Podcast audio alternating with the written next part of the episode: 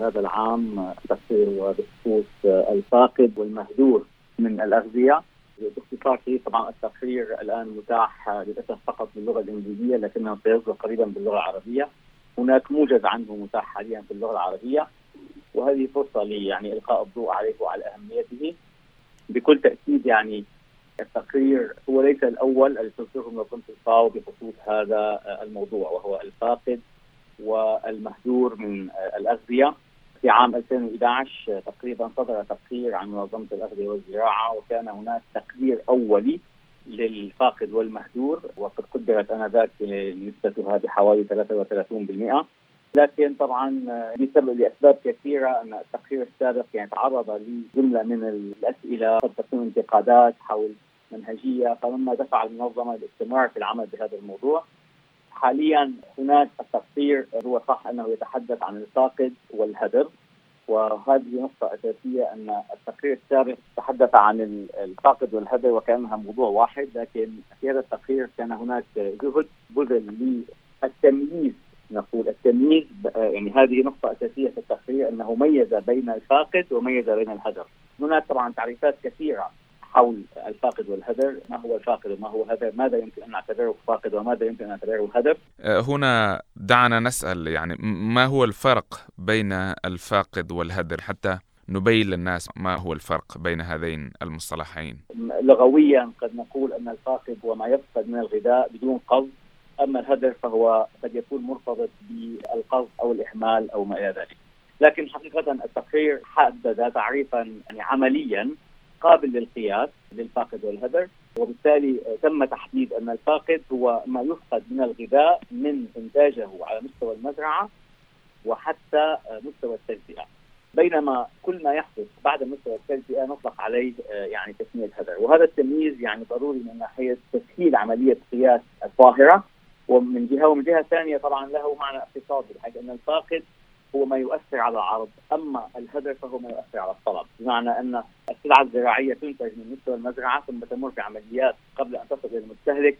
تمر عبر مراحل عديدة مثل النقل والتخزين والتصنيع وثم تصل إلى سوق التجزئة حيث يتقابل العرض والطلب. لذلك الفاقد نستطيع أن نقول أن ما يفقد من الغذاء يقلل من العرض من عرض السلع الغذائية في السوق. أما الهدر أما ما ما يحدث من هدر فهو يؤثر على الطلب بحيث أنه يزيد الطلب، كلما زاد الهدر فهذا يعني أن هناك سلع طلبت وتم شراؤها ودفع ثمنها لكنه لم يتم الاستفادة منها. هذا التمييز نعتقد أنه ضروري وهو من النقاط الأساسية التي ركز عليها التقرير. طبعا بخصوص التقرير أيضا أضاف معلومة جديدة هذا العام هو أنه أعاد تقييم عدا إنتاج رقم جديد لي فقط لكنه ركز على موضوع الفاقد بعد ظهور أهداف التنمية المستدامة كلفت منظمة الزراعة والأغذية الفاو بمتابعة وتقييم وتقدير الفاقد بينما موضوع الهدر فقد كلفت به منظمة الأمم المتحدة للبيئه. التقرير استطاع أن يقدم رقما جديدا لما هو مفقود من الغذاء وهو كما ذكر في التقرير حوالي 14% من باب المزرعة استثناء باب المزرعة طبعا ووصولا إلى التجزئة باستثناء التجزئة بمعنى أنه هو الفاقد الذي يحدث بسبب عمليات النقل والتخزين سواء حدث ذلك على مستوى المزرعة أو في مراحل لاحقة. هذه طبعا النقطة الثانية. طبعا التقرير أضاء على مجموعة من المسائل عن أسباب حدوث الهدر، أسباب حدوث الفاقد على مستويات متعددة وقدم بيانات نوعا فيها شيء من التفصيل على مستوى المناطق في العالم آسيا أفريقيا الشرق الأدنى إلى آخره.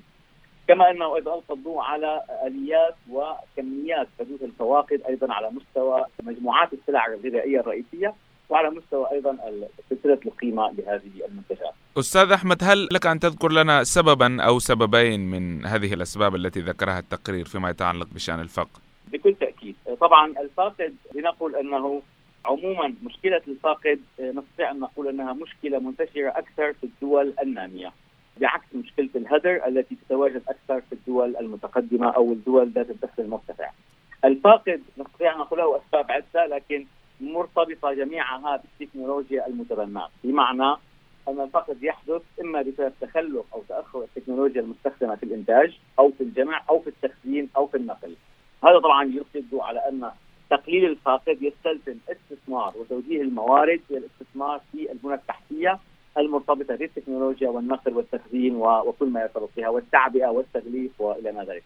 يعني كمثال عملي مثلا في بعض دول المنطقة منها مصر مثلا استبدال نوع العبوة التي كان يغلف فيها المنتج خاصة مثل المنتجات الخضار سريعة السلع من استخدام الصناديق الخشبية إلى استخدام صناديق بلاستيكية معدة خصيصا كان له دور كبير في تخفيف الفواقد في هذه المنتجات. أيضا موضوع التخزين يعني هناك المنتجات الخضار والفواكه بشكل عام هي سريعة السلع. قد يحدث تلف ببساطة بسبب عدم وجود منشآت تخزينية كافية لإستيعاب المنتج المحلي وبالتالي قد يضطر المزارعين لبيعها بشكل مباشر في السوق مما يحدث زيادة في العرض. الزياده في العرض تؤدي إلى انخفاض الأسعار، انخفاض الاسعار تؤدي إلى زيادة الطلب ولما يحدث الفاقد بهذا الشكل يعني، بما معناه أن المنتج قد يضطر إلى بيع السلعة أو عدم وجود وسائل نقل وتخزين مناسبة قد تؤدي إلى تلف جزء كبير من المحصول. على ذكر مصر الأستاذ أحمد سعاد الدين أنت ذكرت لنا مثالا من الدول العربية والمنطقة العربية ونحن كنا أيضا كنت أود أن أسألك عما إذا أشار التقرير بالتحديد إلى المنطقة العربية لأنك أنت ذكرت أن النسبة الكلية لمسألة الفقد التي حددها التقرير هذا العام هي 14% على مستوى العالم. ماذا عن العالم العربي؟ هل هناك نسبة معينة؟ في الحقيقة هذه مسألة في غاية الأهمية. ذكر التقرير نسبة الهدر في منطقة غرب آسيا وشمال أفريقيا وهي المنطقة التي تضم غالبية الدول العربية النسبة في هذه الدول حسب التقرير تراوحت حوالي 11 إلى 12% طبعا هي أقل من المعدل العالمي قد يدعونا ذلك إلى التفاؤل لكن علينا أن نكون حذرين جدا للاسباب التالية. السبب الأول أن هناك في المنطقة العربية عموما فقر في مستوى البيانات المتوفرة حول الفاقد الغذائي. بمعنى أن هذه التقديرات هي مبنية على مجموعة قليلة من البيانات، على سبيل المثال من بين الدول العربية التي أرسلت إلى منظمة الفاو بيانات مجموعة من على مستوى الحقل من حول الفاقد هي لا تتجاوز الخمس دول. ممكن أذكرها هي الأردن وسوريا ومصر والجزائر والسودان. فقط هذه الدول من عام 1990 وحتى الآن أرسلت بيانات رسمية حول الفاقد من الغذاء. إضافة لهذا الشيء طبعا منظمة الفاو في عملية تقدير مثل الفاقد اعتمدت أيضا على مصادر غير حكومية للمعلومات على الدراسات المرجعية أو ما يسمى بالأدب الرمادي بمعنى انها دراسات يعني هي case studies نقول باللغة الإنجليزية دراسات حالات لبلدان معينة. للأسف الشديد يعني حسب ما هو وارد في التقرير لم يكن هناك أي دراسة خاصة بمنطقة، هذا يعني في النهاية أن منطقتنا تعاني من نقص البيانات، لذلك لكي نستطيع فعلا أن نعطي رقما دقيقا حول مستوى ونسبة الفاقد في الدول العربية هناك جهود يجب أن تبذل في إطار جمع المعلومات وإنجاز دراسات حالات في الدول وجمع البيانات أن تقوم الحكومات في تضمين بيانات الفاقد من الغذاء في المسوحات الحقلية والاستعدادات الزراعية اللي تقوم فيها بشكل دوري. أخيرا أستاذ أحمد لو تحدثنا عن أهم النتائج والتوصيات التي وردت في هذا التقرير. هذا كان هذا سؤال الحقيقة هام جدا لسببين، الأول أن عموما يعني تأكيد تخفيض الفاقد والهدر هو شيء مطلوب بحد ذاته. وهو يعني من المسائل التي ذكرت في أهداف التنمية المستدامة حيث يعني هناك توصية بتخفيض الفاقد والهدر إلى النصف تقريبا بحلول عام 2030 لكن النقطة الثانية هي أن ندرك أن تخفيض الفاقد والهدر يجب أن يكون لتحقيق أهداف أخرى. صحيح أنه مطلوب بحد ذاته لكن هناك اعتقاد أن تخفيض الفاقد والهدر يساعد على تحقيق أهداف أخرى من أهداف التنمية المستدامة وهما هدفين رئيسيين. الأول هو الأمن الغذائي. هناك اعتقاد طبعا وهو صحيح إلى حد ما أن تخفيف الفاقد والهدر سيؤدي إلى زيادة توفر الغذاء في الأسواق. وبالتالي زيادته وهذا سيحسن من مستوى الأمن الغذائي والتغذوي بالنسبة للشرائح الاجتماعية الضعيفة.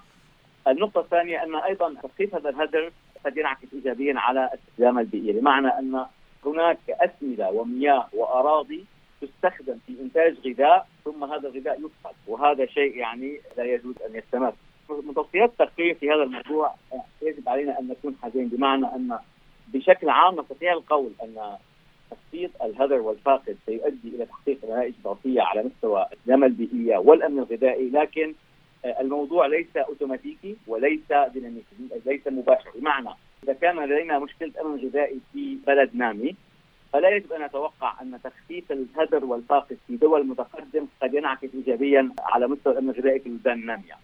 يعني باختصار أن اثر تخفيف الفاقد والهدر هو غالبا أثر محلي، فإن كان هناك مشكلة امن غذائي في بلد ما أو في منطقة ما فيجب أن تكون التدخلات والإجراءات. لتخفيف هذا الفاقد تستهدف المنطقة التي تعاني من سوء التغذية أو نقص التغذية، لأن كلما ابتعدنا في سلسلة القيمة عن منطقة معينة فإن الأثر الإيجابي لتخفيف الفاقد والهدر سوف يتضاءل. وبالتالي إن كان لدينا مشكلة في أمن غذائي في منطقة معينة ونحن نعرف أن هناك فاقد سيرينا ان نستثمر في تلك المنطقة لكي نحسن هذا وهذا طبعا كمان أيضا ينسحب على الاستدامه البيئية مثل مثلا مساله المياه يعني بالتأكيد أن المناطق التي تعاني من نقص المياه يجب أن تستثمر في تخفيف الهدر والفاقد لأن ذلك يعني استغلال أقل المياه النادرة. هناك نقطة أخرى أيضا أشار إليها التقرير أننا لا يجب أن نتوقع أن حل مشكلة الاستدامه البيئية والأمن الغذائي فقط عبر تخفيف الهدر والفاقد. وفي بعض الحالات قد تكون مثلا زيادة الإنتاجية أو الاستثمار في إدارة الموارد الطبيعية المستدامه بشكل مباشر عبر مثلا ترشيد استخدام المياه واتباع سياسات أخرى قد تكون أكثر كفاءة من تخفيف الهدر والفاقد لأن أيضا تخفيف الهدر والفاقد لن يأتي بدون تكاليف إضافية هو ليس مجانيا هو يستهلك وقت واستثمارات وأموال يعني في النهاية المتعاملين سواء كانوا منتجين أو موزعين أو مستهلكين هم ناس عقلانيون لا يهدرون أو يفقدون الغذاء بسبب رغبتهم وإنما بسبب قيود يواجهونها في الواقع فبالتالي عملية التحول نحو نظام غذائي يقلل الفاقد والهدر يتطلب تكاليف يجب هذه العملية أن تدرس بشكل جيد لكي نستطيع أن نصل إلى حزمة سياسات وإجراءات تحقق الأهداف بأقل التكاليف. في الختام شكرا جزيلا الأستاذ أحمد سعد الدين المستشار الاقتصادي الإقليمي لمنظمة الفاو والخبير في المنظمة الدولية. حدثنا اليوم عن التقرير الجديد للمنظمة حول مسألة الهدر والفقدان للأغذية. شكرا جزيلا أستاذ أحمد.